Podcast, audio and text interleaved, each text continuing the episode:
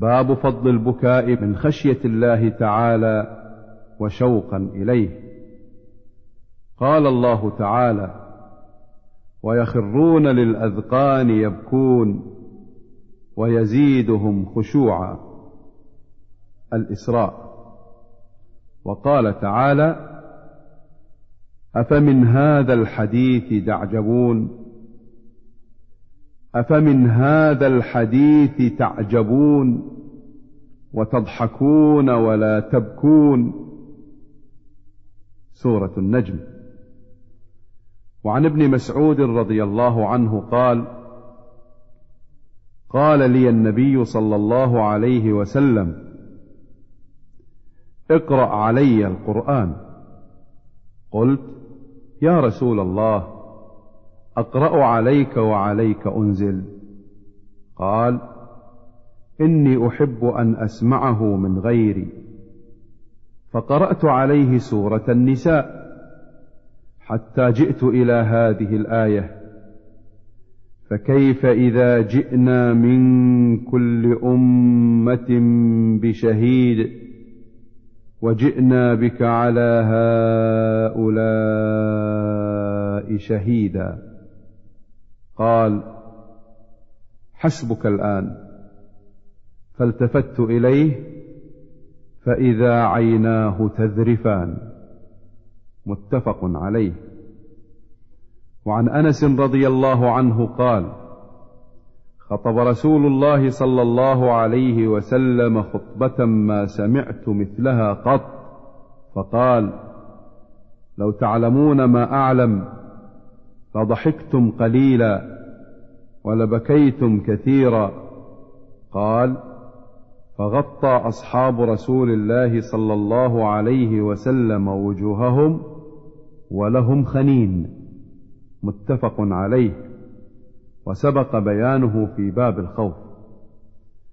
وعن أبي هريرة رضي الله عنه قال قال رسول الله صلى الله عليه وسلم لا يلج النار رجل بكى من خشية الله حتى يعود اللبن في الضرع.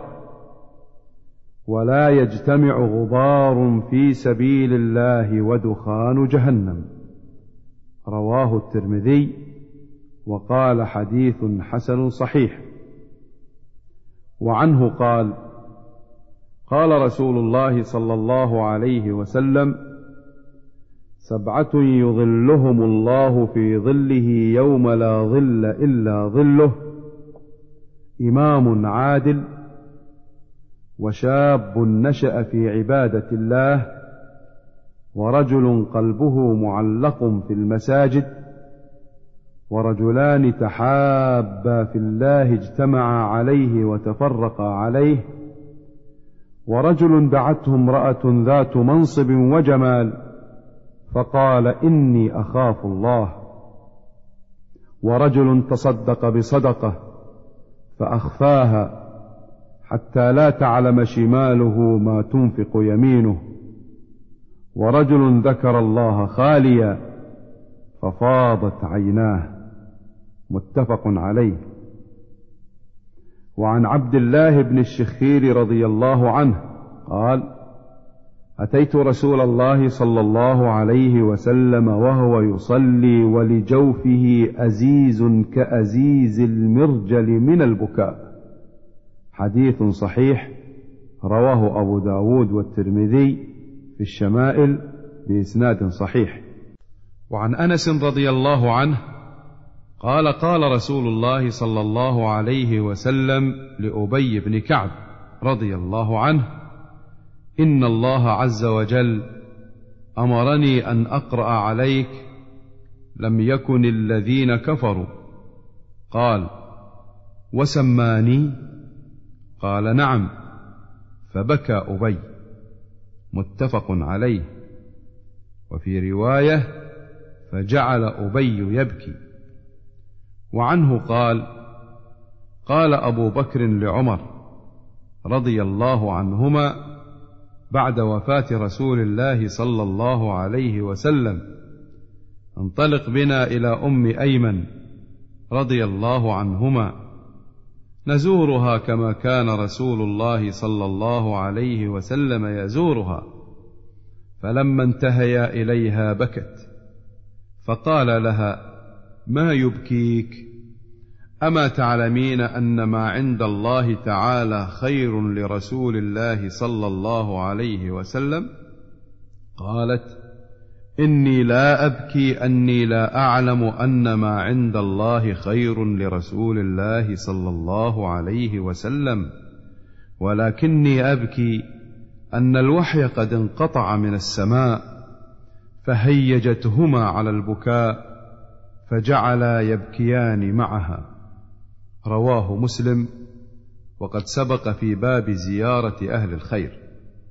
وعن ابن عمر رضي الله عنهما قال لما اشتد برسول الله صلى الله عليه وسلم وجعه قيل له في الصلاة فقال مروا أبا بكر فليصلي بالناس. فقالت عائشة رضي الله عنها إن أبا بكر رجل رقيق إذا قرأ القرآن غلبه البكاء فقال مروه فليصلي. وفي رواية عن عائشة رضي الله عنها قالت قلت إن أبا بكر إذا قام مقامك لم يسمع الناس من البكاء. متفق عليه. وعن إبراهيم بن عبد الرحمن بن عوف أن عبد الرحمن بن عوف رضي الله عنه أتي بطعام وكان صائما. فقال قتل مصعب بن عمير رضي الله عنه وهو خير مني فلم يوجد له ما يكفن فيه إلا بردة إن غطي بها رأسه بدت رجلاه وإن غطي بها رجلاه بدا رأسه. ثم بسط لنا من الدنيا ما بسط. أو قال أعطينا من الدنيا ما أعطينا.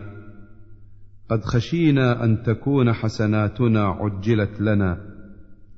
ثم جعل يبكي حتى ترك الطعام. رواه البخاري. وعن أبي أمامة صدي بن عجلان الباهلي رضي الله عنه عن النبي صلى الله عليه وسلم قال ليس شيء أحب إلى الله تعالى من قطرتين وأثرين. قطرة دموع من خشية الله وقطرة دم تهراق في سبيل الله. وأما الأثران فأثر في سبيل الله تعالى وأثر في فريضة من فرائض الله تعالى. رواه الترمذي وقال حديث حسن.